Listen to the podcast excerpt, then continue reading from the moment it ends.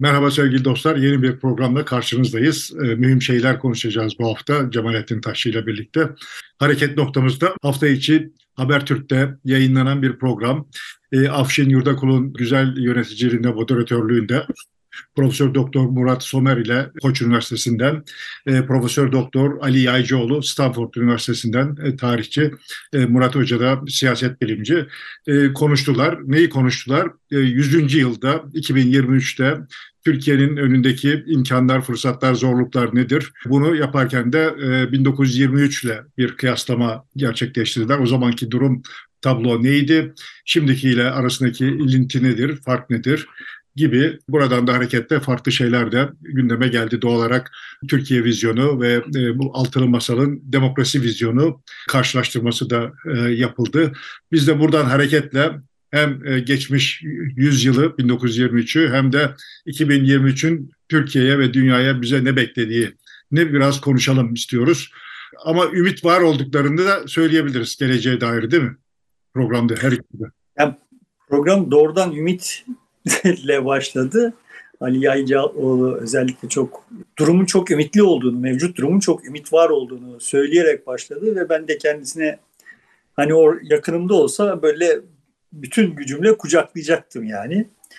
Çünkü evet ben de öyle düşünüyorum biliyorsun yani ana hatları itibariyle dünyanın şu anda yaşadığı durumun ümit var bir durum olduğunu. Çok şematize ederek söyleyecek olursam 90'ların ortalarından itibaren benimle kendi çevrem arasındaki mesafe şöyle büyüdü. Yani evet sayısız sıkıntı var bütün dünyada ve bu sayısız sıkıntı bir hastalık olarak teşhis ediliyor idi. Ben ise bunları doğum sancısı olarak teşhis etmeye başladım. Giderek daha kendime güvenerek diyeyim. Sesime, sözüme güvenerek bunun bir doğum sancısı olduğunu ve doğumun da iyi bir şey olduğunu. Yani doğum hem doğan için hem doğuran için iyi bir şeydir. Dolayısıyla ümit var olmak gerektiğini düşündüm ve giderek de bu konudaki tarzım netleşti. Türkiye açısından durumu öyle görmüyorum. Çünkü bilhassa muhalefeti çok yetersiz görüyorum. Teşhislerin yetersiz. Dünyada da genel olarak teşhisler yetersiz ama öyle veya böyle bir yerlerden bir şeyler çıkıyor işte. Yani sonuçta Ali Yaycıoğlu çıkıyor. Türkiye'de olsa muhtemelen çıkmayacak ama işte Amerika'da yaşıyor olduğu için çıkabiliyor. Daha serin kanlı, daha geniş perspektifte bakma fırsatını bulabiliyor. Yani şimdi 2023'ü 1923 ile mukayese etme ihtiyacı hissediyor filan. Türkiye'de böyle bir şey yok yani. Biz Cumhuriyet'in 100. yılını yaşamaya başladık. Farkındasın değil mi yani? Sen de senden benden başka bu olayın farkında olan kimse yok gibi görünüyor yani. E var demek ki başka Türkiye'de başka programlarda yapılabiliyor. Pek çok yerde de konuşuluyor. Hiç olmazsa adı söyleniyor. Hani doğru bir şekilde ne kadar analiz ediliyor, bakılıyor ayrı bir mesele ama bir gündemde 2023 var, yeni 100 yıl var. Tamam işte 2023 gelsin diye bekleniyor ya. Yani halbuki biz 30 Ekim'den itibaren Cumhuriyet'in 100. yılını yaşıyoruz. Ve yani bunun üzerinden yığınla tefekkür mümkün. Ama bu işte böyle hani arada bir, bir orada Bay Somer ve Yaycıoğlu konuşacak. Yani onlar da özel olarak 100. yılda olduğumuza bir vurgu yapmadan konuştular filan. Şimdi ben hikayeyi şöyle tarif etmeye çalışayım. Yani doğum sancısı derken neyden söz ediyor olduğum konusunda bir nevi üçüncü büyük yani insanlık tarihi üçüncü büyük devrimi içinde yaşıyor olduğumuzu düşünüyorum. Bu sade benim düşüncem değil yani. Giderek de artan frekansla dile getiriliyor zaten dünyanın birçok yerinde. Biz Türkiye'nin kendi problemlerine çok yoğunlaşmış olduğumuz için ve veya işte böyle çok güncel meselelere işte orada Orban'ın seçim kazanmasına Brezilya'da Bolsonaro'nun bundan önceki seçimi kazanmasına işte Amerika'da Trump'ın kazanmasına filan çok yoğunlaştığımız için hikayenin bütününü görmemekte ısrar ediyoruz. Yani şimdi tam da bunun tersi şeyler oluyor. Yani Rusya'da Putin rejimi Ukrayna karşısında beklenen ve normal olanı beceremiyor. Değil mi yani sonuçta bu iş sündükçe sünüyor ve işte hani süngüyü düşürmemek için türlü çeşitli laflar ediliyor, bir takım stratejiler, planlardan filan söz ediliyor ama yani Rusya'nın işleri, Putin işleri yolunda gitmiyor. Ee, İran'da çok muhkem bir rejim. iki aydır mütemadi bir biçimde test ediliyor. Yani buradan yine kazanarak çıkabilir ama görünüyor ki içeride ve dışarıda rejimin bu sefer kazanacağına dair duyulan güven erozyona uğruyor. Azalmış durumda. 400'ün üzerinde göstericinin öldürüldüğü e, biliniyor. Mesela İran futbol takımı da sahaya çıktığında e, protesto ederek ulusal maçlarını söylemiyor. Yani bu kadar yaygın değildi. Daha cesurlar yani herkes. E, yani öteki tarafta Çin Komünist Partisi kongresini yeni kazanmış, büyük zafer kazanmış, taşları istediği gibi dizmiş gibi görünen Xi Jinping beklenmedik bir şeyle bir şeye maruz kaldı. Yani şimdi Hem bütün bunları toplayıp bugüne kadar Çin'de pek görülmemiş e, toplumsal gösterilerle karşı karşıya hem de öyle bir, bir şehirde falan da değil. Çok yaygın bir şekilde 5-6 şehirde birden e, büyük büyük gösteriler var ve giderek gösterilerde siyasallaşıyor. İstifa diye bağırıldı yani Çin'de bugüne kadar yaşanmış bir şey değil. Xi Jinping için istifa istendi. yani benim en çok etkilendiğim husus Pink Floyd'un The Wall albümünden, The Wall parçasından alıntılarla filan itiraz edilmiş olması oldu. Yani şimdi Çin gibi bir yerde işte böyle bir şey oluyor. E şimdi ben bu parçaları dizsem ve işte görüyorsunuz bakın dünyada otoriteryenizm nasıl geriliyor, demokrasi nasıl gelecek vaat ediyor filan desem bir manası var mı? Yok. Çünkü bu hikayelerin her birisinin nasıl neticeleneceğini bilmiyoruz. Yani şimdi Putin'in, Hamaney'in ve işte Xi Jinping'in mevcut sıkıntıları ne kadar bir gösterge değilse zamanında da işte Trump'ın kazanması, Orban'ın kazanması bir gösterge değildi. Daha doğrusu yani evet bir şeylerin göstergeleri idiler ama aslında içinde yaşıyor olduğumuz sıkıntının esas kaynakları hakkında bize çok bir şey söylemiyor idiler. Demeye çalıştığım şey bu. Peki nedir yani benim kafamdaki sıkıntı dediğim şey? Ona şöyle yaklaşabilirim. çok daha geniş bir zaman perspektifinden. Sonuçta benim kafamı gençliğimden itibaren hep çok kurcalayan bir problem vardı. O da şuydu yani insanlar avcı toplayıcılıktan tarıma niye geçtiler? Avcı toplayıcıyken hiç çalışmak zorunda değillerdi. İşte mağaralarından çıkıp işte ne bulurlarsa karınlarını doyuruyor idiler. Halbuki işte tarıma geçince toprağa sürmek zorundalar, ekmek zorundalar, biçmek zorundalar, depolayacaklar. Bir yığın iş yani. Yani niye teknik olarak tembel olduğunu bildiğimiz minimum enerji harcamak üzere programlanmış olan bir organizma böyle lüzumsuz işlere girer. Üstelik de hani şimdi bunu yaptığı zaman işleri daha yolunda yoluna girse bir şekilde anlayacağım ama yani olmadık hastalıklar hayvanlarla bir arada yaşadıkları için olmadık hastalıklar edinmişler. Ömürleri kısalmış, boyları kısalmış, zayıflamışlar, türlü çeşitli problemle karşılaşmışlar ama bu işi yapmışlar yani. Şimdi bunun benzerini sanayi devriminde yapmışlar. Yani yılda 3 ay, 4 ay yoğun mesai harcama durumunda olan toplum günde 12 saat çalışmayı göze almış. Her gün günde 12 saat çalışmayı göze almış. yani niye yapmışlar bunu? Git işte orada ek biç kazandığınla hayatını devam ettir. Niye fabrikalara giriyorsun? Yani yine bir defa daha daha çok ölüm riski, işte daha hayatın kısalması, daha kötü beslenme şartları vesaireler olmuş. Peki bütün bunlar niye olmuş? Kendimce verdiğim cevap buna benim güvence, öngörülebilirlik. Tarım yaptığın zaman avcı toplayıcılığa kıyasla daha öngörülebilir bir dünyada yaşıyorsun. Kendi emeğine bağlı yani iş. Hiç olmazsa 6 aylık tüketiminin hazır edebiliyorsun yaz sonunda. Evet yani sonuçta çıktığında bir şey bulamama ihtimalin filan varsa bunlar ortadan kalkıyor. Bulacaksın. Yani ta- tabii ki hala tabiatın sürprizlerine maruzsun ve evet kuraklık oluyor vesaire. Yine bunlar ol- oluyor ama net toplamda evet yani eskisine kıyasla bir kademe daha tırnak içinde garanti sağlamışsın. Sanayi içinde benzer bir şey söyleyebiliriz. Çünkü sanayi işçisi düzenli gelir elde ediyor. Yani maaş oluyor yani. İnsanların yaptıkları işe karşılık ücret almaları yeni bir şey değil. Gel şu toprağa çapala karşılığında sana şunu vereyim. Dene gelmiş. Eskiden beri var yani. Ama her ayın belli bir tarihinde işte şu kadar ücret alacağını biliyor olmak ben yani düzenli olarak şu işi yapacağım karşılığında düzenli olarak şu geliri elde edeceğim. Demek ki çok yeni bir şey. Çok yeni ne kadar yeni? Yani işte yüz binlerce yıllık insanlık tarihinde belki 3-4 bin yıllık bir hikaye yani benim bildiğim kadarıyla bu tür düzenli geliri ilk veren Çinliler bürokratlarına vergi toplamak üzere görevlendirdikleri ve işte devletin başka faaliyetleri için görevlendirdikleri bürokratlarına böyle düzenli bir ücret vermişler.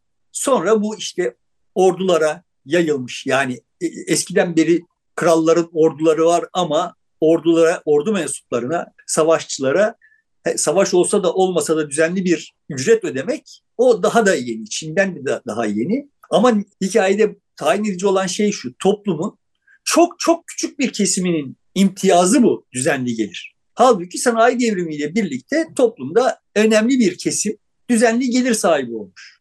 Şimdi bu düzenli gelir sahipleriyle düzenli gelir sahibi olmayanlar arasında bir gerilimin yükseldiğini iddia ediyorum ve bir sonraki safhasında dünyanın herkesin düzenli gelir sahibi olacağını düşünüyorum. Temel varsayımım bu. Yani prekarya ile proletarya arasındaki gerilimden söz ediyorsun.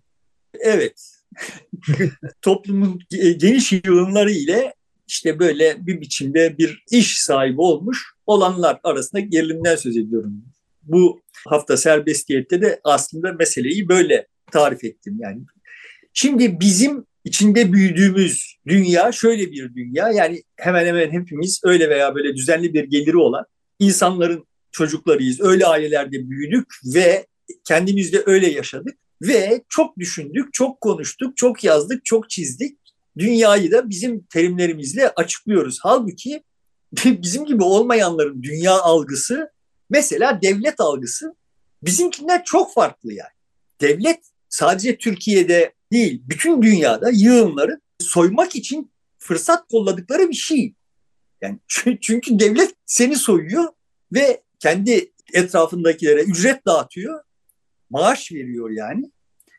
Dolayısıyla şimdi senin hayatta kalmanın yolu devleti ne kadar dolandırabildiğine bağlı. Ama devlet hakkında yazıp çizenler, konuşanlar, düşünenler vesaire bunlar hep o devletin sağladığı imtiyaz alanında bulunmuş olanlar. Onların arasında bir tarihten itibaren ya bir dakika böyle olduğu zaman devlet böyle bir organizasyona sahip olduğu zaman bir takım problemler büyüyor bunu devleti ehlileştirmek gerekir vesaire diye düşünmeye başlamışlar. Ama bunlar çok yeni şeyler. Bu çok yeni şeylerle ama sonuçta aşağıdan gelenlerin yukarıya transferleriyle devlet işte kendisine nispi bir güvenlik alanı sağlamış. Bunu aşağıdan yukarıya transferi sürdürebildiği sürece de sanki herkese bu fırsatı sağlayacakmış zannıyla aşağıdaki enerjini enerjiyi de kontrol edebilmiş. Ama 1970'lerden itibaren dünyada bu işin sürmeyeceği ortaya çıkmaya başlamıştı. Benim 90'larda idrak ettiğim ve idrak etmeye başladığım diyeyim ve maç buradan, ip buradan kopacak dediğim hadise buydu. Şimdi şöyle tarif etmeye çalışayım. Sonuçta mahallelerde bakkallar vardı. Şimdi market zincirleri var. Ne olmuş oldu? Yani bakkallar gelirlerini kaybettiler. 60 bakkalın işini bir market yapmaya başladı.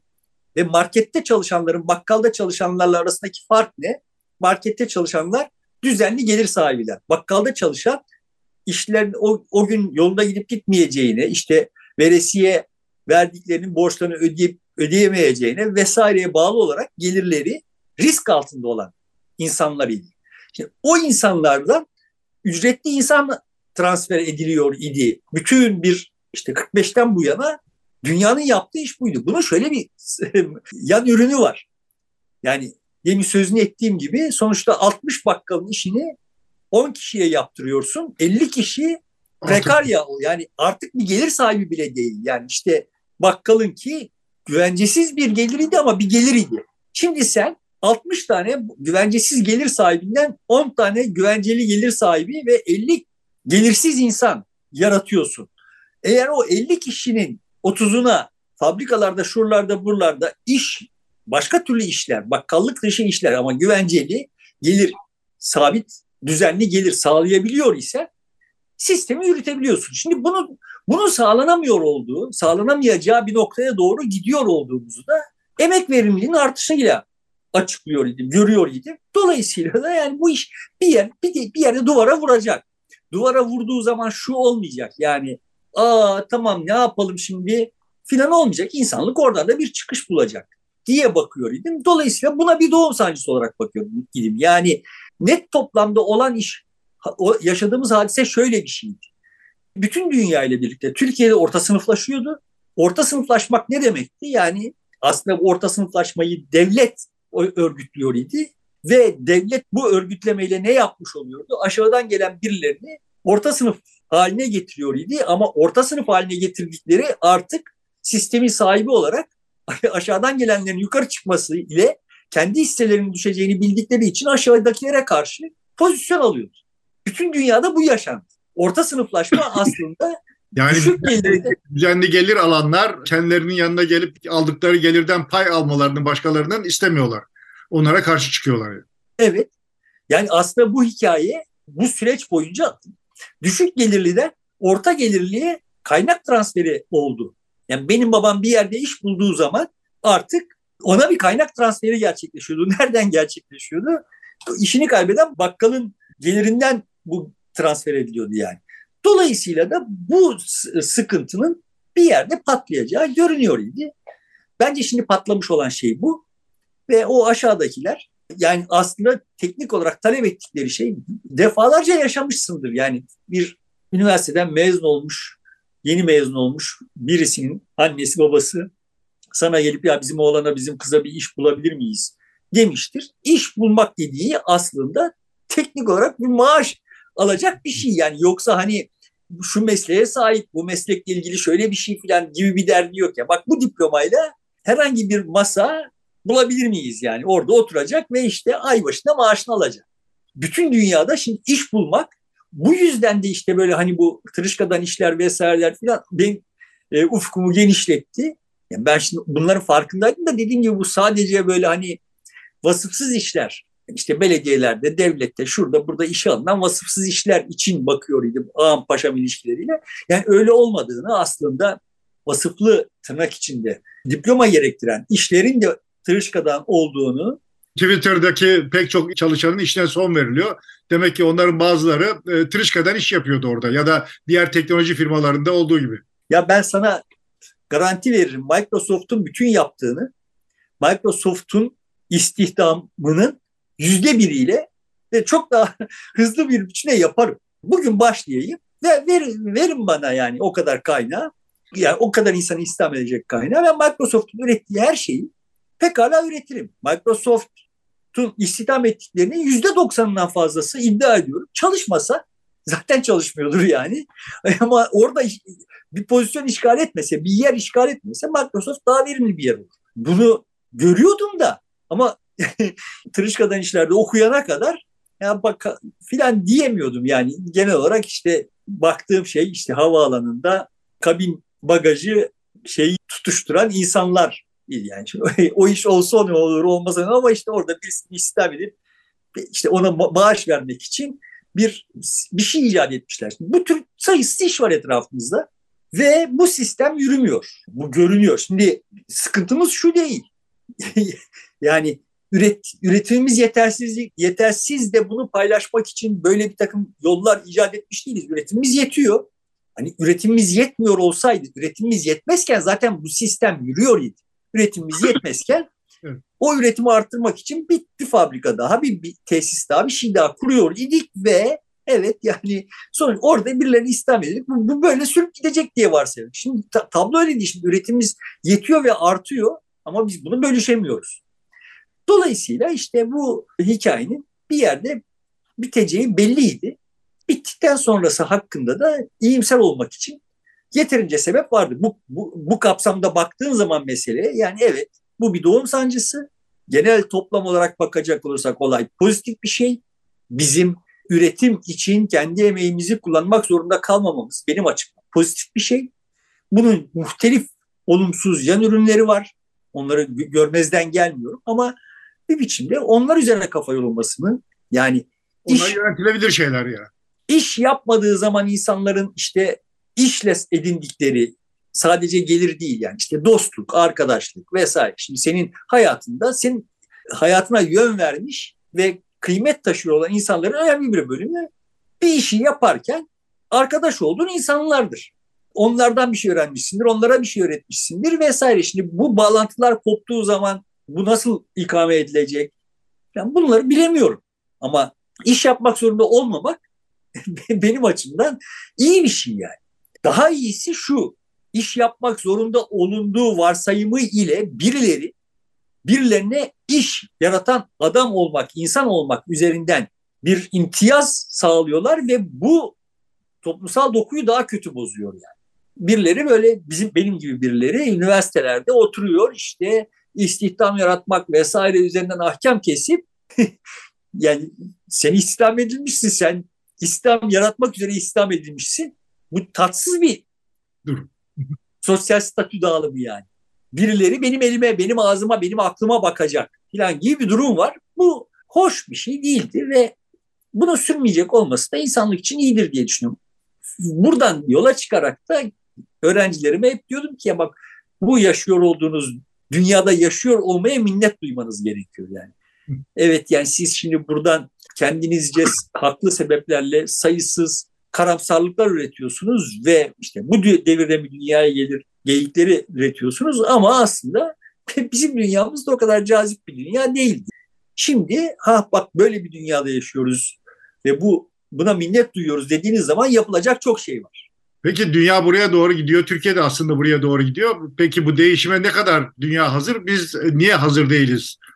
Şimdi bu tür durumlarda yani bütün kompleks sistemlerin temel karakteristikleri itibariyle o sistem unsurlarının her birisinin kendi inerşiyası vardır, kendi eylemsizliği vardır ve değişime direnç gösterirler. Başarılı olmuş, uzunca bir süre başarılı olmuş, dolayısıyla yeterince kütle kazanmış, ciddi bir şey var. Bunun parçalarına, bileşenlerine ayrılıp yeniden örgütlenmesi gerekiyor ve bu da kolay bir iş değil. Ama asıl sıkıntı bu süreçte bütün dünyada yukarıda belli akıllarda, belli ellerde kudretin yoğunlaşması. Bunun önüne geçen en ciddi engel bu yani.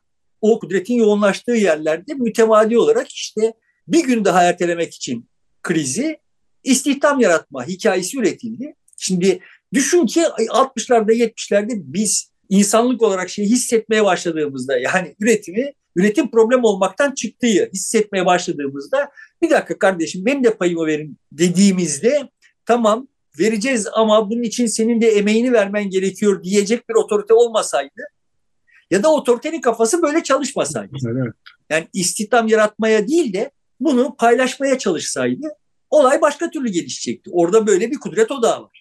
Ve bütün dünyanın bütün kudret odaklarının birinci önceliği istihdam yaratmak. Ama bu eğilim daha değişmiş değil dünyada da. Hemen her yerde aynı şekilde devam ediyor. Eli kulağında. Bak bir tek bu değiştiği zaman her şey değişecek.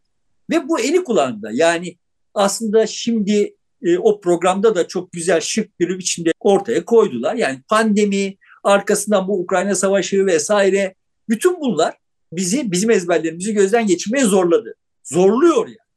Birileri başlayacak buna birileri başladığı zaman bu böyle çorap, çorap sökü gibi dağılacak ve bambaşka bir örgütlenme biçimine geçilecek. Sistemler böyle doğururlar.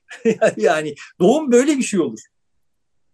Dolayısıyla da burada tekil tekil orada Trump, burada Hamaney vesaire bu işte buradan demokrasi yükseliyor, buradan otoriteryenizm yükseliyor filanların bir manası yok. Çünkü zaten bu kavramların hepsi, bu terimlerin hepsi bizim terimlerimiz. Bizim icat ettiğimiz yani biz derken kimi kastediyorum? İşte o memur kafalı insanların icat ettiği ve karşılıklı aramızda şifre haline gelmiş. Bunları biz konuşuyoruz. Şöyle söyleyeyim yani bak. Bizim şimdi çok ciddi bir hepimizin üzerine mutabık kaldığı hangi kanatta hangi şeyde olursa olsun derken üzerine mutabık kaldığı bir Kürt meselemiz var. Değil mi mesela? Şimdi Şırnak'tan çıkıp İstanbul'a gelmiş ve işte iş bulmaya çalışıyor olan daha iş bulamamış yani düzenli gelir sahibi olamamış ama işte falancanın mutfak dolabını yaparak filancanın penceresini onararak iyi kötü hayatta kalıyor olan ve bir düzenli iş, düzenli gelir sahibi olabileceği hayalini sürdürüyor olan bir Kürt için Kürt olması veya burada işte Türk müşterileri olmasının falan bir manası yok. Bizim açımızdan ortada bir problem var. Ona işini yaptırıyor olan Türk'ün de bir Kürt meselesi yok. Mesele nerede çıkıyor? O Kürt eğer burada bu işleri yapması için gerekli iletişimi kuracak kadar Türkçe öğrenememiş ise her iki tarafta da sıkıntı çıkıyor. Tamam mı? Ama onun dışında bir, bir sıkıntı yok. Mesele nerede başlıyor? Kürt görmemiş. Kürt'e bir iş yaptırmamış. Yani İzmir'in işte Urla'sında yaşıyor veya işte Karşıyaka'sında yaşıyor, İstanbul'un Nişantaşı'nda yaşıyor ve bir Kürt görmemiş. Olanların tarifi üzerinden biz bir Kürt problemi O, dev, o Yaratıyor. devlerde de çok sayıda Kürt var canım. Urla'da da var, Karşıyaka'da da var, Şişli'de de çok Kürt var. tamam ama yani Kürt'e dokunmamış olanlar bu problemi icat ettiler, tarif ediyorlar.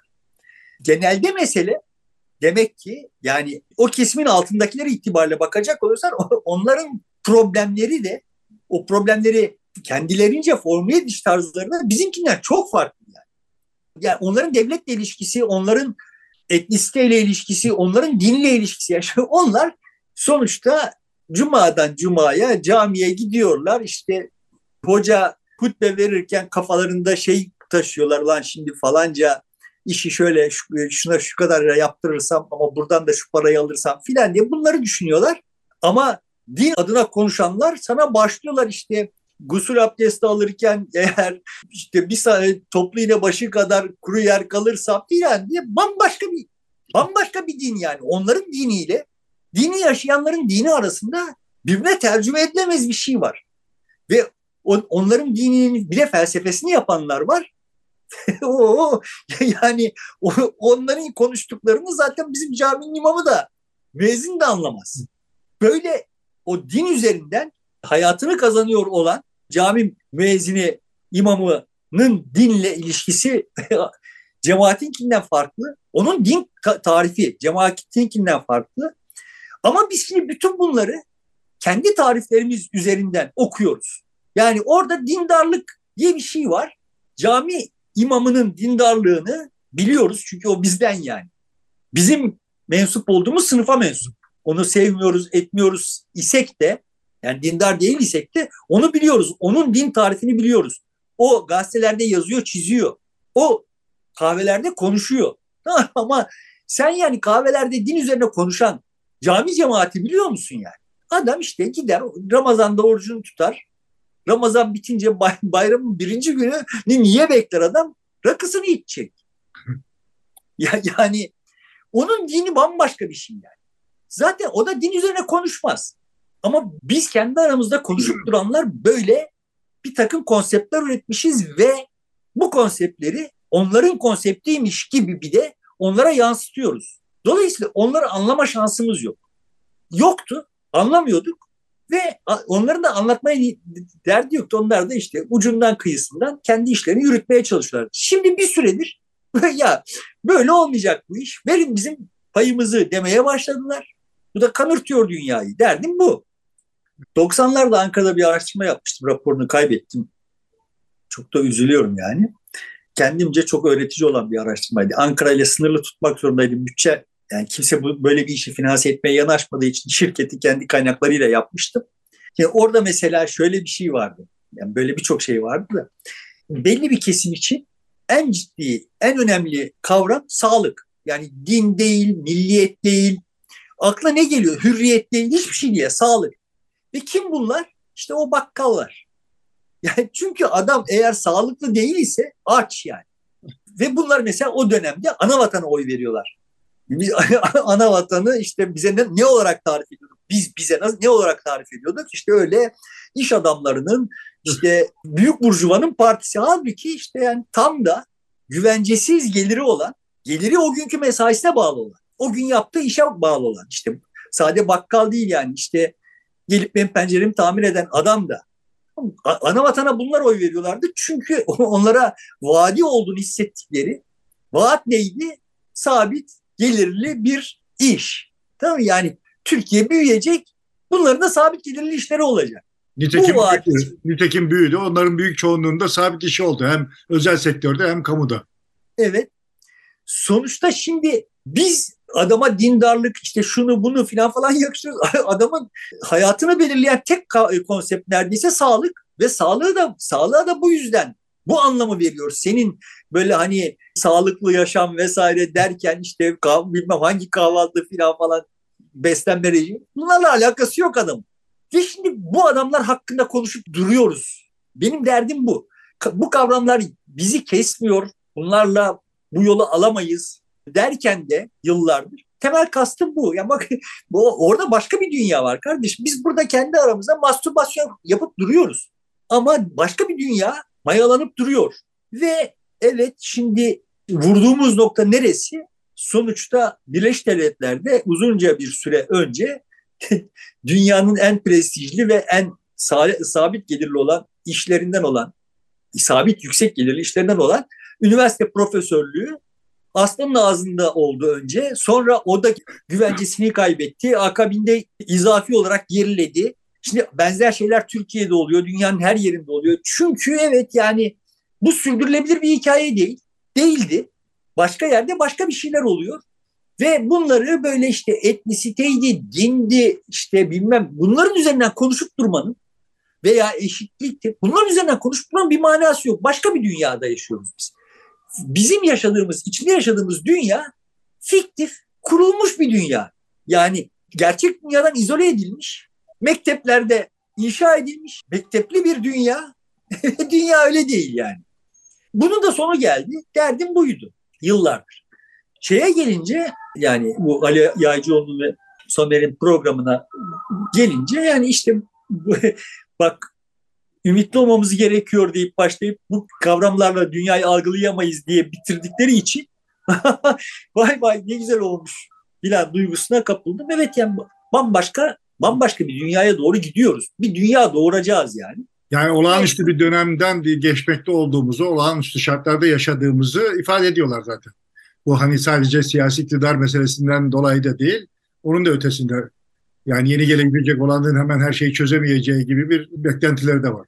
Yeni gelenler bu kafayla herhangi bir şey çözebilecek durumda değiller zaten. Dolayısıyla hani Ali Yaycıoğlu'nun işaret ettiği hususu önemsiyorum. Yani Erdoğan için en büyük kazanç kaybetmektir. Evet. Yani burada efendice bu seçimi kaybedip yani seçime girip seçimi kaybedip iktidarı devrederse memlekete şimdiye kadar yaptıklarından çok daha büyük bir hizmet yapmış olacak. Böyle düşünüyorum. Ben onu da serbestiyette daha önce yazmıştım. Türkiye'nin en çok ihtiyaç duyduğu şey şu anda Erdoğan'ı yenmek. Yani Erdoğan'ın seçime girmemesi vesaire yoluyla değil. Yani seçime girecek ve Türkiye Erdoğan'ı karşısındaki adayı seçecek olursa bu Türkiye'nin menfaatine olacak. Yani Türkiye'nin Türkiye hakkındaki genel karamsarlığımı bir nebze rahatlatabilir.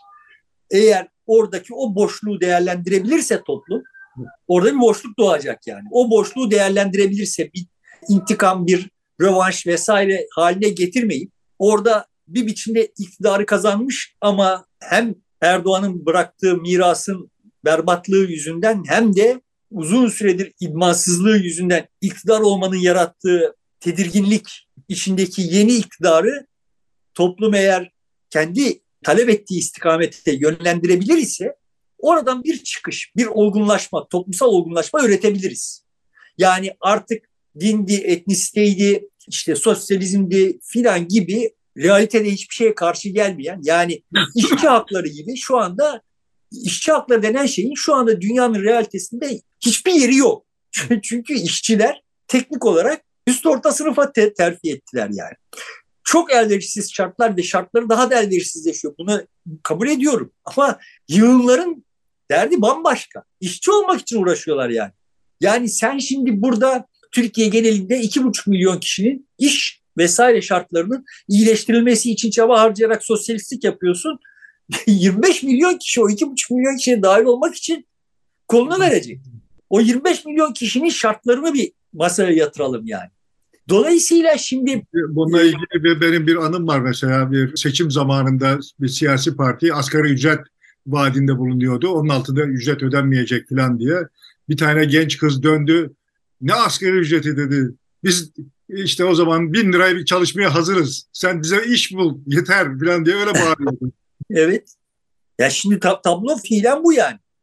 Dolayısıyla şimdi burada böyle eskimiş, iş görmüyor olan, zaten de iş görmemişti olan ama yani hani bizim kendi kendimize kurduğumuz o fiktif dünyada bir işe yarattığımız kavramların artık bir karşılığı olmadığını saklayamaz duruma geldik. 2023'ü, 2023 seçimlerini eğer yapabilirsek bu sebeple çok önemsiyorum. Yani toplum gerçek problemlerle, toplumun yaşadığı problemlerle toplumun entelektüellerinin yüzleşmek zorunda kalması gibi bir durum ortaya çıkabilir.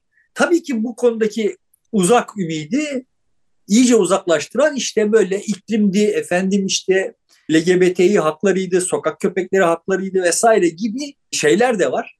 Yani bütün bunlara önemsiz ya da biçimsiz buluyor değilim. Ama bunların hepsi şu anda dünyayı kanırtıyor olan hikayenin içinde çok tali meseleler olarak kalıyor yani. Dünyayı kanırtıyor olan şey bizim başımızdaki musibet çok başka bir şey. Yani biz bu doğumu yap- yaptırabilirsek bu dünyaya o zaman evet yani işte daha sağlıklı şehirler kurması, iklime daha az zarar verilmesi neyse yani nasıl olacaksa ama daha az karbon salınması vesaire gibi şeyleri zaten başarabiliriz. Bunlar bunları başarmak bunlar hepsi teknik problem.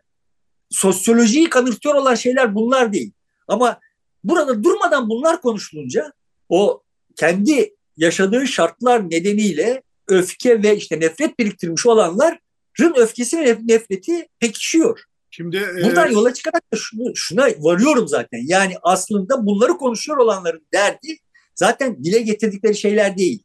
Sorduğun zaman en insansever onlar, en insancı onlar. Ama yani sonuçta milyonlarca insanı, dünya genelinde bakarsak milyarlarca insanı sırf kendileri gibi inanmıyor diye veya kendileri gibi giyinmiyor diye veya işte filan falan yok sayıyorlar. Onları tanzim edilecek bir şey olarak görüyor oldukları görünüyor yani. Mesela Ali Yaycıoğlu'nun yeni bir kavramı ortaya koydu. Aslında Cumhuriyet'in ilk döneminde söylenmiş olan Türkiye ahalisi. Yani böyle ayırmak yerine Türkiye ahalisi sözü ve bir de eleştirel sahiplenme. Ee, yani eleştirebilirsiniz ama dün bizimdir, e, o yaşananlar bizimdir, bunlara sahip çıkma diye. Bir de tarihsel uzlaşmadan da söz etti. Yani Türkiye ahalisi galiba en benim hoşuma giden kavram oldu. Yeniden gündeme girebilmesi. Süleyman Demirel'den ödünç olarak ben de genel olarak işte halk ve millet belli kesimlerin tekeline girdiği için ben de sıkıldığım zaman, sıkıştığım zaman ahali terimini kullanırım. Evet yani Türkiye ahalisi yani işte tam o böyle parçalı, birbirinden çok farklı özellikleri olan vesaire ama işte ahali yani.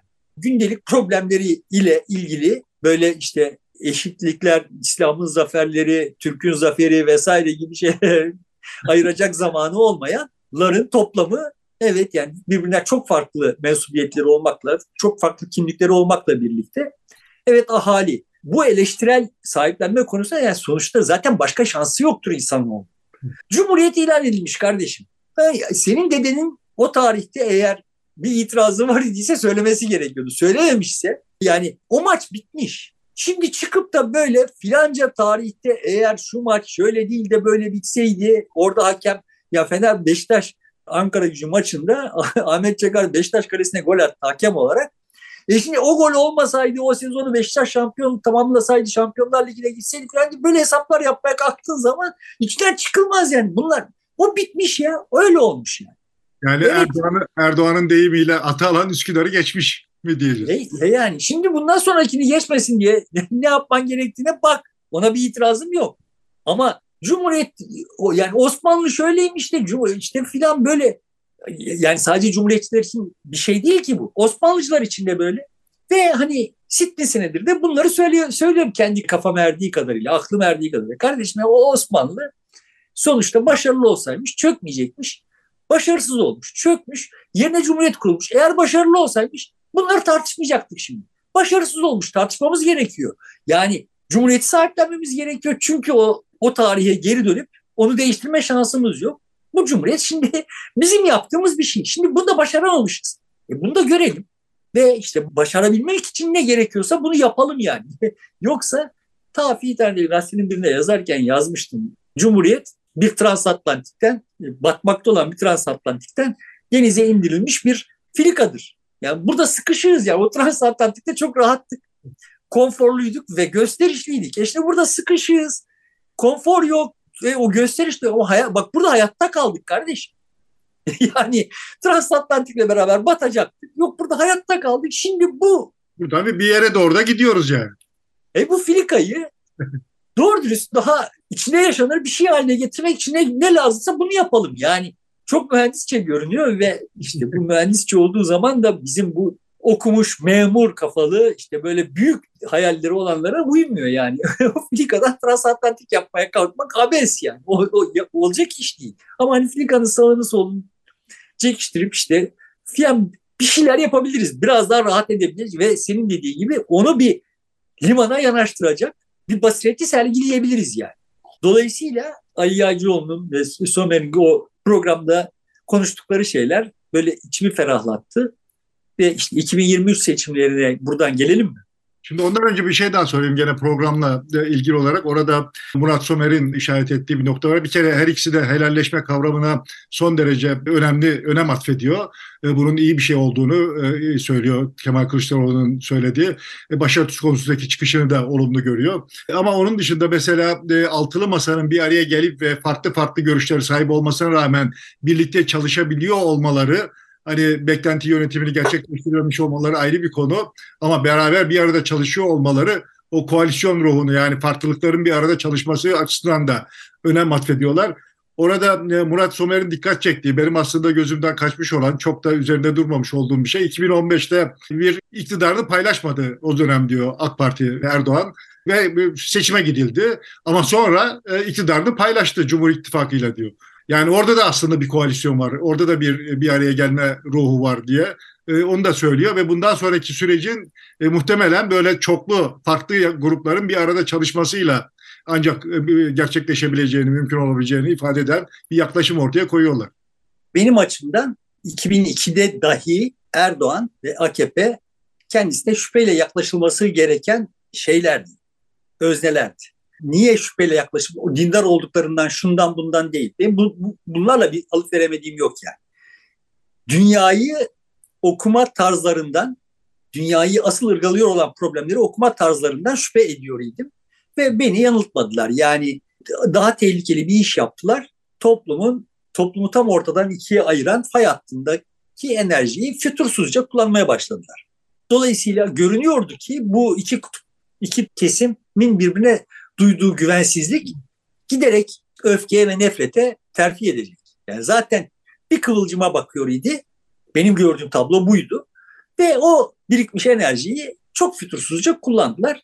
Ama her şeye rağmen öyle veya böyle işte bir siyasi üslubu, bir siyasi geleneği olanlar vardı 2000 içinde ve onların bir fren mekanizması yani sonuçta AKP kendi kuruluşları bir koalisyon. Bütün siyasi partiler bir koalisyondur yani.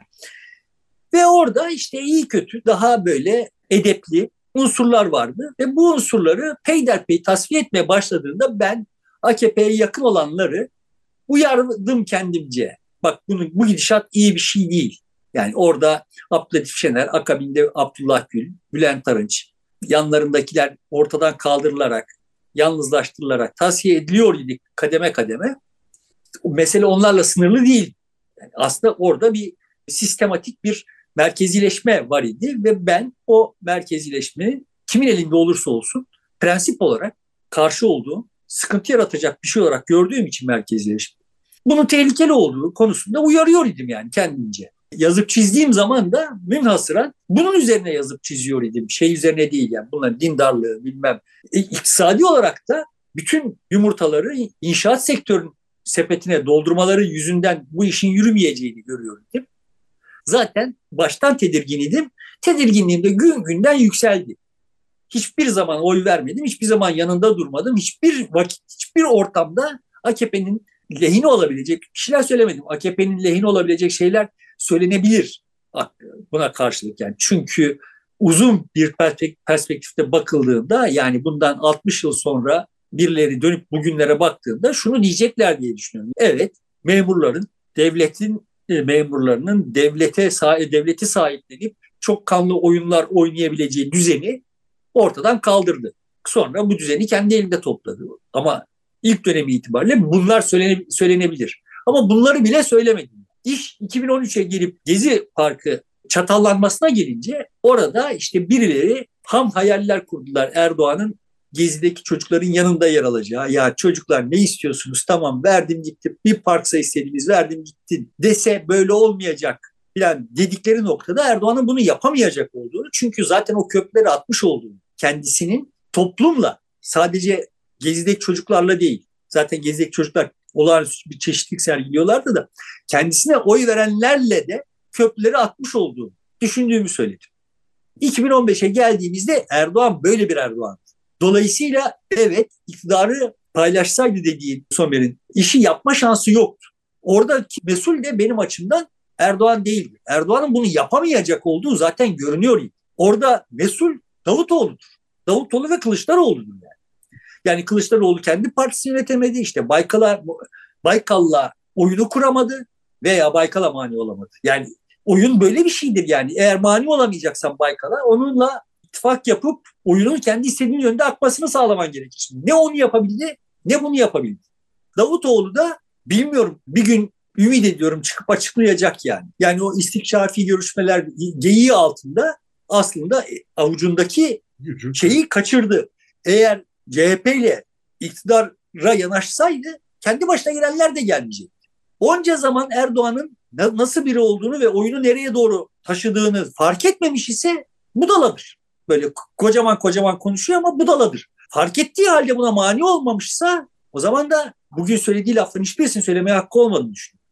Dolayısıyla şimdi sizin açınızdan bakıldığında böyle ama orada altılı masada oturuyorlar bir araya konuşuyorlar filan. Tamam da bunlar bu insanlar ya. O altılı masada bir araya gelip konuşanlar bu insanlar. Ve ben sizin iyimserliğinizi bu yüzden yani o programda da dile getirilen iyimserliği yani ama canım farklı farklı insanlar farklı farklı insanlar her zaman bir araya gelirler ve konuşurlar. Zorda, zorda kaldıkları zaman yani milli mücadele dediğin birbirinden çok farklı kesimleri bir, bir mecliste bir araya gelip yönettikleri bir şey. Bunlar işler yoluna girdikten sonra birbirlerini vurdular kardeşim. Buradan bir şey, bir yücelik, bir soyluluk bulmanın manası yok. Her birisi kendince iktidara tutunmak, iktidara ortak olabilmek için Erdoğan'ın yenilmesi gerektiğini idrak etmiş. Yani Erdoğan'ın oyuna katmaya, kendilerini oyuna katmayacağını idrak etmiş. Dolayısıyla da Erdoğan'ı yenmeleri gerekiyor olduğu için bir araya gelmiş olan özneler. Bunların bunların Türkiye'nin menfaatine, Türkiye'nin hayrına bir şey yapacağını ümit etmek bence abesle iştigal. Sadece şunu ümit edebiliriz. Bunlar iktidarı ele geçirdiklerinde bir yandan dediğim gibi demin bir enkaz devralmış olduklarından. İki, kendi aralarındaki çelişkilerin büyüklüğü yüzünden çok muhkem merkezi bir düzen kuramayacaklar. O boşluğu Türkiye Cumhuriyeti vatandaşları ahalisi olarak biz değerlendirebilir isek, bunların sınırlarını koyabilir isek, yani dolayısıyla da entelijansiyanın üzerine düşen görevin bu olduğunu düşünüyorum. Çünkü görünüyor ki, çok bariz bir biçimde görünüyor ki bunların böyle bir derdi yok, böyle bir niyeti yok. Hazırladıkları anayasa taslağı vesaire. Yani niye anayasada değişiklik önerileri geliştiriyorsunuz kardeşim? Yani yeni bir anayasa niye getir getirmiyorsunuz bize yani? Gibi gibi şimdi bambaşka derde derman aslında deminden beri sözünü ettiğim dünyanın ve toplumun mevcut durumlarının yarattığı sıkıntıları idrak etmiş gibi görünen bir tek şey yok hikayenin içinde. Eski durumu yani eski durum derken 2017 öncesi siyasi düzen kastetmiyorum. Daha genel işte hani 1945'ten itibaren böyle kademeli olarak iyileştirmiş dünyayı olan o sistematik kavrayışı yani kendilerinin yani memurların yani düzenli gelir sahiplerinin durumlarını ihya etmeye yönelik bir perspektif var. Dünyanın ne, nasıl değişmiş olduğuna dair en ufak bir kavrayış yok yani. Şimdiye kadarki çalışmalarında, sözlerinde vesaire. Yani işte Kılıçdaroğlu çıkıyor işte bir 20 binde filanca istihdam, 50 binde filanca istihdam gibi laflar ediyor yani. yani. Yani bir de muhtarların yanına yardımcı, bir de işte sosyal güvenlik uzmanı. Hadi şu kadar da vatandaş öğretmeni atayacağım filan diye bunu el yükseltip duruyor. Hikaye burada değil. Türkiye bu ekonomiyle zaten böyle istihdam yaratılmasını sürdürebilir değil. Dolayısıyla istihdam yaratma takıntısından ve başka şeylerden yani o mekteplilik halinden şundan buna sıyrılmış dünyada neyin mayalanıyor olduğunu farkında olan bir şeye ihtiyaç var ve bu öznelerden bunu bekleyemeyiz benim açımdan. Yani ben bunları öğrenmiş olduklarına dair en ufak bir işaret görmüyorum. İşte helalleşmeyi evet ben de çok önemsiyorum. Çünkü onun CHP'ye oy veren tabanda rahatsızlık yaratmasının bile Türkiye için bir bereket sebebi olabileceğini yani bir dakika ya sahiden de helalleşmesi gereken bir şey, gereken bir şeyler olabilir. Biz bu helalleşmeye karşı olsak bile bunun mevcudiyetini kabul etmiş olmak bile o insanlarda ki yani o insanlar Türkiye'nin önemli kıymetleri. Buna bir itirazım yok yani. Her ne kadar Türkiye'deki sıkıntıların önemli bir bölümünün onların kendi imtiyazlarını koruma içgüdüleri olduğunu düşünsem de sonuçta yani bir şey yapılacaksa Türkiye'de o insanlarla yapacağız. Yani daha doğru düz şehirler kurulacaksa o insanlarla kurulacak. Daha doğru düz üretim yapılacaksa o insanlarla yapılacak vesaire. Dolayısıyla da evet yani onlar Türkiye'nin kıymetleri ve onların bir dakika yani bu cumhuriyet bizim de düşündüğümüz kadar böyle toz pembe, böyle hani kusursuz, dört başı mamur bir şey değilmiş. Bir yerlerde birileri incinmişler kardeşim. Tamam onlarla incinmeleri gerekiyordu ya desek bile o incinmişliğin farkına varılmasını sağladığı için bu helalleşme hikayesini kendi çapında mayalanmasının memleketin menfaatine olduğunu düşünüyorum. O insanları terbiye etmek anlamından yani. Ama Kılıçdaroğlu'nun onu da doğru yönetiyor olduğu, işte oradan yeterince haslat elde ediyor olduğu gibi şeylere katılmıyorum. Ama hani buna bile fit olacak kadar siyasette yoksul durumdayız. Seviyeyi düşürdüm diyorsun yani. yani bulup bulduğumuz bu olduğu için onu çok önemsiyorum. Başka bir şey yok çünkü. Evet. Hikayenin içinde başka bir şey yok. O zaman herhalde bu içinde yaşadığımız şartlar başka şeyleri de çıkaracak. Yani programda da bir ara Ali Ergin de söylemişti. Bu liderlik dediğiniz şey bazen kendiliğinden ortaya çıkar. Önceden kafada şu şu şu lider olsun diye düşünülerek yapılacak bir şey değildir. Olaylar onu kendiliğinden gündeme getirir diye söylemişti. Muhtemelen bütün dünyada olduğu gibi herhalde Türkiye'de de bu yeni gerilimler kendi aktörlerini sahneye çıkaracak gibi duruyor. Ya şimdi Lenin lider olduysa kimse Lenin lider olsun dedi diye olmadı yani. Lenin, Lenin muhtemel diğer liderlere ki şurada şununla anlaşarak bunu dövüp bunu, sonra bununla anlaşıp şunu dövüp ama yani durmadan aktif bir biçimde bir mücadeleyi sürdürdüğü için lider oldu. Erdoğan böyle oldu. Herkes böyle lider oldu. Liderlik kimseye ya bizim bir lidere ihtiyacımız varmış. Şimdi dur bakalım şuna bir tombala çekelim. Aa Celal lider olsun diye olmaz lider olmak için mücadele edenlerin arasından birisi lider olur. Burada da evet güzel oldu şimdi. Yani o çatlakta 2023 seçimlerini yapabilirsek ve Erdoğan'ı yenebilirsek o çatlakta ortaya çıkan konjonktür birilerine liderlik hevesi yani birçok kişide liderlik hevesi vardır Türkiye'de ama birilerine liderlik imkanı, fırsatı sağlayabilir. Eğer anında beton döküp o çatlakları kapatmaz kapatmazlarsa kapatamazlar diye biliyorum. Bir, bir boşluk olur. Bir süre olur. Bir şey kazanırız yani. Bir zaman kazanırız. O zamanı değerlendirecek birileri çıkarsa, arkasında durabilirsek, onu besleyebilirsek vesaire çok da böyle hani zaten çok kapsamlı bir lidere de ihtiyacımız yok yani. zamanında Ergenekon'dan bir kurduk peşinden çıkmışız. Bize de yani şimdi sonuçta o kadar aklı olan biri de kafi olabilir. Bizim aklımız bize yeter yani. Evet doğru. Yani işte hani 2023 seçimlerinin sonuçları hakkında ahkam kesebiliriz. Bilmiyorum gerekiyor mu yani. Temennilerimizi belirttik de tahminlere gidince Peki o zaman şunun üzerinden gidelim. Bir hani gerçi Kılıçdaroğlu bir vizyon açıklayacağım falan diyor da altılı masanın vizyonu e, demokrasi gibi görüyor. Güçlendirilmiş parlamento işte demokrasiyi biz uygulayacağız. Buradan ekonomide kurtulacak, bu da kurtulacak diye. Erdoğan da Türkiye yüzyılı diye bir yeni e, kavramla ortaya çıktı. İşte Türkiye'nin bölgesinde etkili olacağı, diğer bütün olup bitenlere yön vereceği şeklinde mühim bir ülke haline geleceğiz diye. Muhtemelen yani gücün merkezileşmesiyle gücün dağıtılması arasında bir rekabetin yaşanacağı bir seçime doğru gidiyoruz. Bu her ne kadar böyle mi adlandırılır değil mi bilmiyorum ama muhtemelen herhalde merkezi güç olma iddiası aracı ile e, gücü biraz daha dağıtma arasında bir rekabet olacak gibi gözüküyor. Şöyle söyleyelim, daha önce ekonomi konusunda bu misali vermiştim. Sonuçta şimdi eşitsizlik var dünyada iktisadi eşitsizlik var bütün toplumlarda. Bu iktisadi eşitsizliği ölçmek için bir takım teknikler var ve o tekniklerle bir şeyler ölçüyoruz. Şu mesele şu, toplumun en üst yüzde yirmisi gelirin yüzde altmışını alıyor ise ortada bir eşitsizlik var demektir.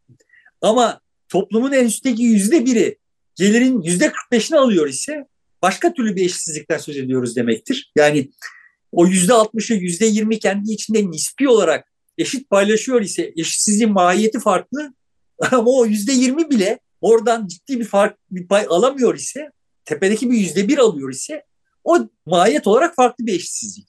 Şimdi burada da tablo böyle. sonuçta şimdi demokrasi diyor olanların aslında sıradan insanların atıyorum yani şimdi bizi izleyen ve kendisini demokrat olarak görüyor olan birçok kişi var. Görünen o yorumlardan filan gördüğümüz.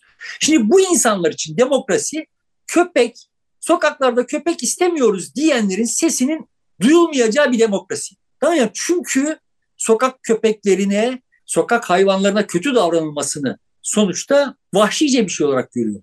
Tamam o, o bahsi diğer ama sokakta köpek olmasın. Öyle bir şey kuralım ki sonuçta dünyada sadece biz yaşamıyoruz yani birçok toplum var. Tırnak içinde medeni toplum var. Bizim biz de kendimiz medeniyiz. Onlar da medeni toplum ve oralarda sokakta köpek görmüyorsun.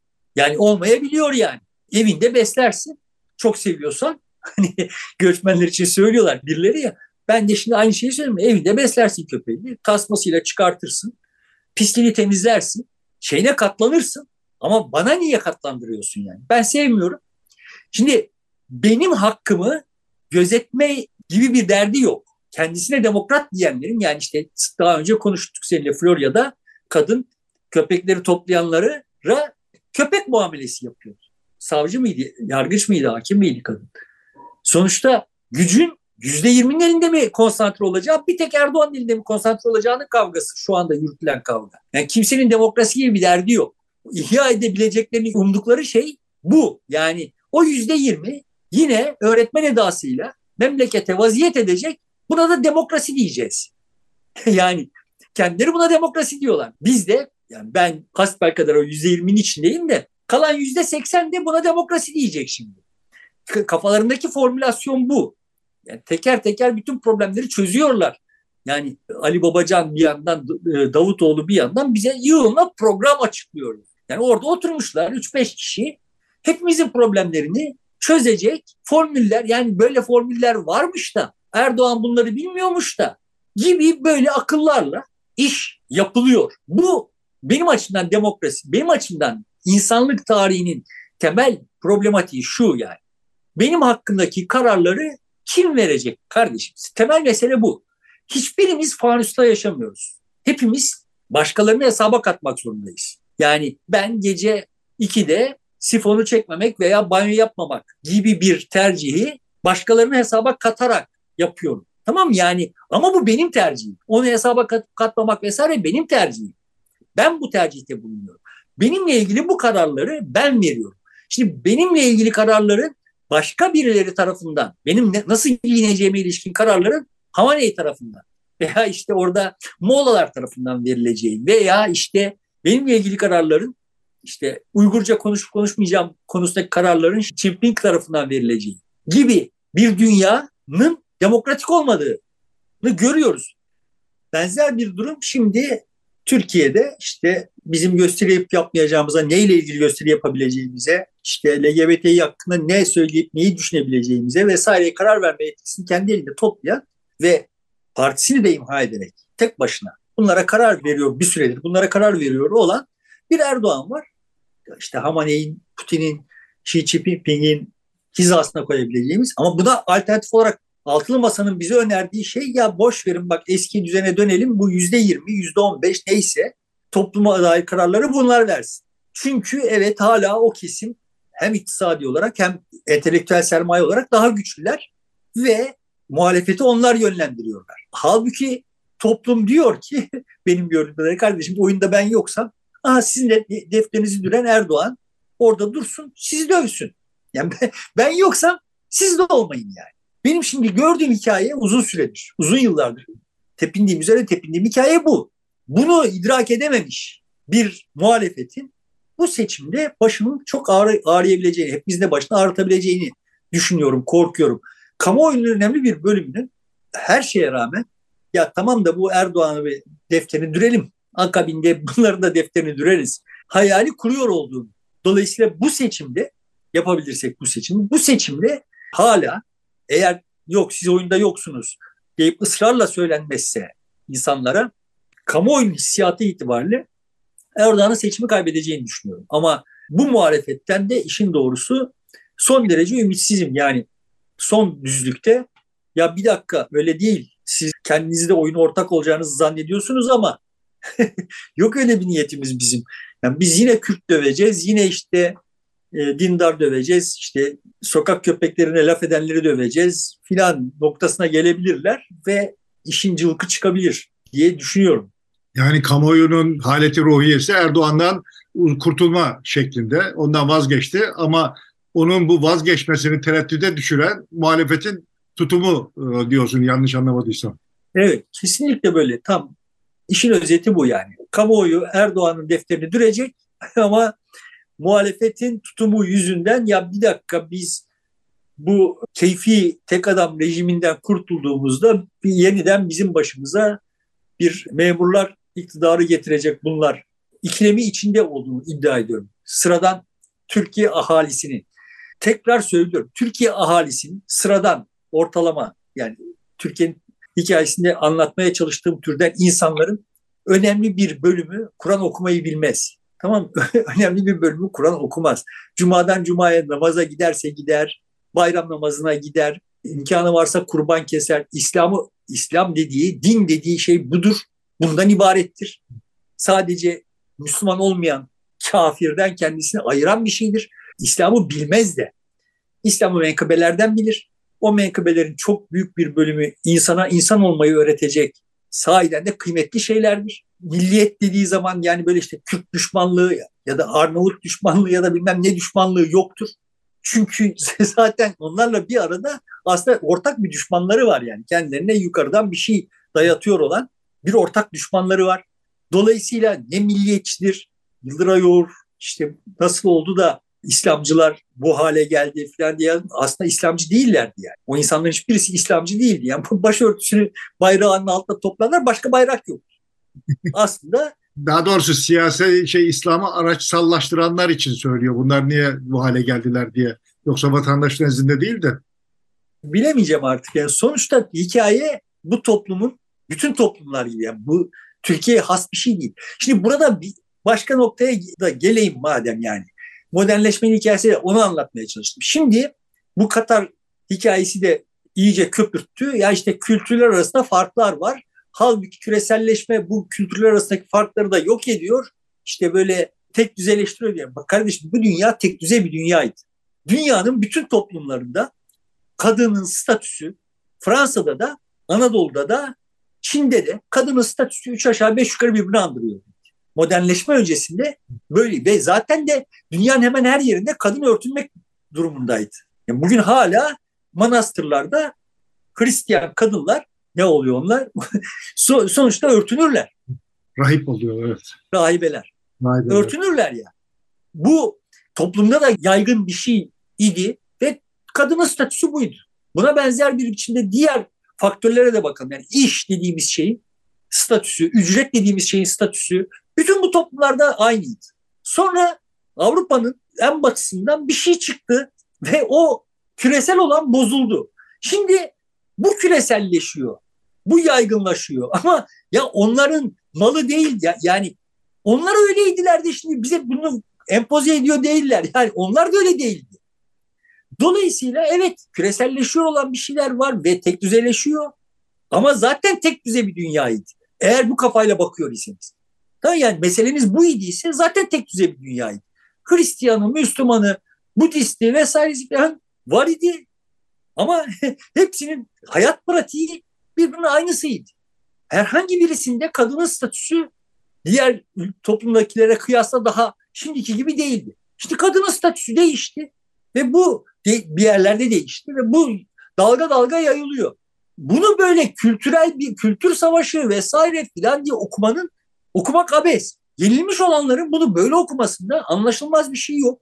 Ama bu yenilmiş olanları sağaltmak, bu yenilmişlik psikolojisinden, aşağılık kompleksten kurtarmakla görevli olanların ya bir dakika kardeşim tabii ki yani şimdi kadının statüsü irrasyoneliydi ya da yani insanlık dışıydı. Şimdi bunu daha insanileştiriyoruz filan demesi gerekiyor. Ama biliyoruz ki bunu demesini beklediğimiz tırnak içinde iyi eğitilmiş seçkinler kendi karılarını ötekilerden daha çok dövüyorlar. Ama ötekileri aşağılamak için de bunu kadın meselesini kullanıyorlar. Eşcinsellik meselesini kullanıyorlar. Yani aslında kendileri çok Yani eşcinsellik şimdi yani defalarca konuştuk ya seninle bu, programlarda. yani batıda insanlar eşcinsel oldukları için öldürülüyor idiler. E, şimdi değiş, değişti şartlar. E, bu da küreselleşiyor ama zaten onlar onu öldürüyorken burada da öldürülüyordu. Ya da öldürülmüyorsa da filan yani bu da evrensel bir şeydi. E, değişecek ve her yerde birden değişmiyor.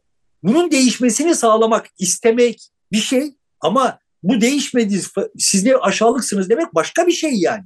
yani siz, sizin çok övdükleriniz de düne kadar böyleydiler. Hatta bugün hala böyle olanları var aralarında. Dolayısıyla şimdi hikayeyi böyle okuduğumuz zaman Türkiye'deki kavga işte böyle çok kültürel vesaire bir takım kodlar işte küreselleşme o yerellik, millilik falan falan gibi Evet küresellik dediğin o programda da galiba konu oldu. Ya evet küresel bir dünyada yaşıyoruz. Dünya dördüncü defa üst üste küreselleşiyor yani. Her seferinde biraz daha küreselleşiyor ve bu teknik olarak yerelliği imha edecek bir şey değil. Aksine bu küreselleşmeyle birlikte birçok yerellik eskiden taşımadığı kadar çok mana taşır hale geldi. Kıymet taşır hale geldi. Çünkü evet o tek düzeliğin içinde farklı bir biçimde kahve yapıyor olan, kahveyi farklı bir biçimde yapıyor olanlar, yani evet bir yandan Starbucks türü bir standartizasyon olduğu ama bir yandan da sen şimdi gidip de bilmem Marmaris'te falanca e, yerde filanca adamın yaptığı kahve hikayesi dinleyip oraya gidiyorsun yani. Çünkü evet bütün bu küreselleşme süreçleri her zaman sonuçta yerelliklere daha önce olmadı, olmayan kıymetleri kattılar. Bundan sonra da katacaklar. Esas mesele onları, o kıymetleri geliştirmek, bulmak vesaire. Şimdi bunlarla uğraşmak varken yani bunlara kafa yormak varken vay küreselleştiriyorlar bizi filan diye bir yerden bir şeyler oluyor. O öyle olunca bunların eline dediğim gibi bu kavramlar hepsi bizim uydurduğumuz kavramlar. Küreselleşme bizim uydurduğumuz bir kavram. Yani küreselleştiriyor mu? Küreselleştiriyor. Ama buna içerik dolduran biziz. Yani Tayvan'daki adam için küreselleşmenin tırnak içinde bir olumsuz bir tarafı yok. Çünkü o çip üretir o hale geldi yani. Çip fabrikasında iş buldu ya da yani daha önemlisi adam kendi insani kapasitesini sonuna kadar zorlayabilecek ve işte çip dizayn edecek vasıflar kazandı. Tarlada çapa yapacak. Şimdi kalsa zaten bizimkilere herkes tarlada çapa yapsın. yani tabii ve doğal haliyle yaşayalım. Evet, istersen burada bitirelim artık. Peki. Sevgili dostlar, burada bitiriyoruz programı. Bize destek olmaya devam ederseniz teşekkür ediyoruz. Devam edin istiyoruz. Şimdilik hoşçakalın. Yeniden görüşmek üzere.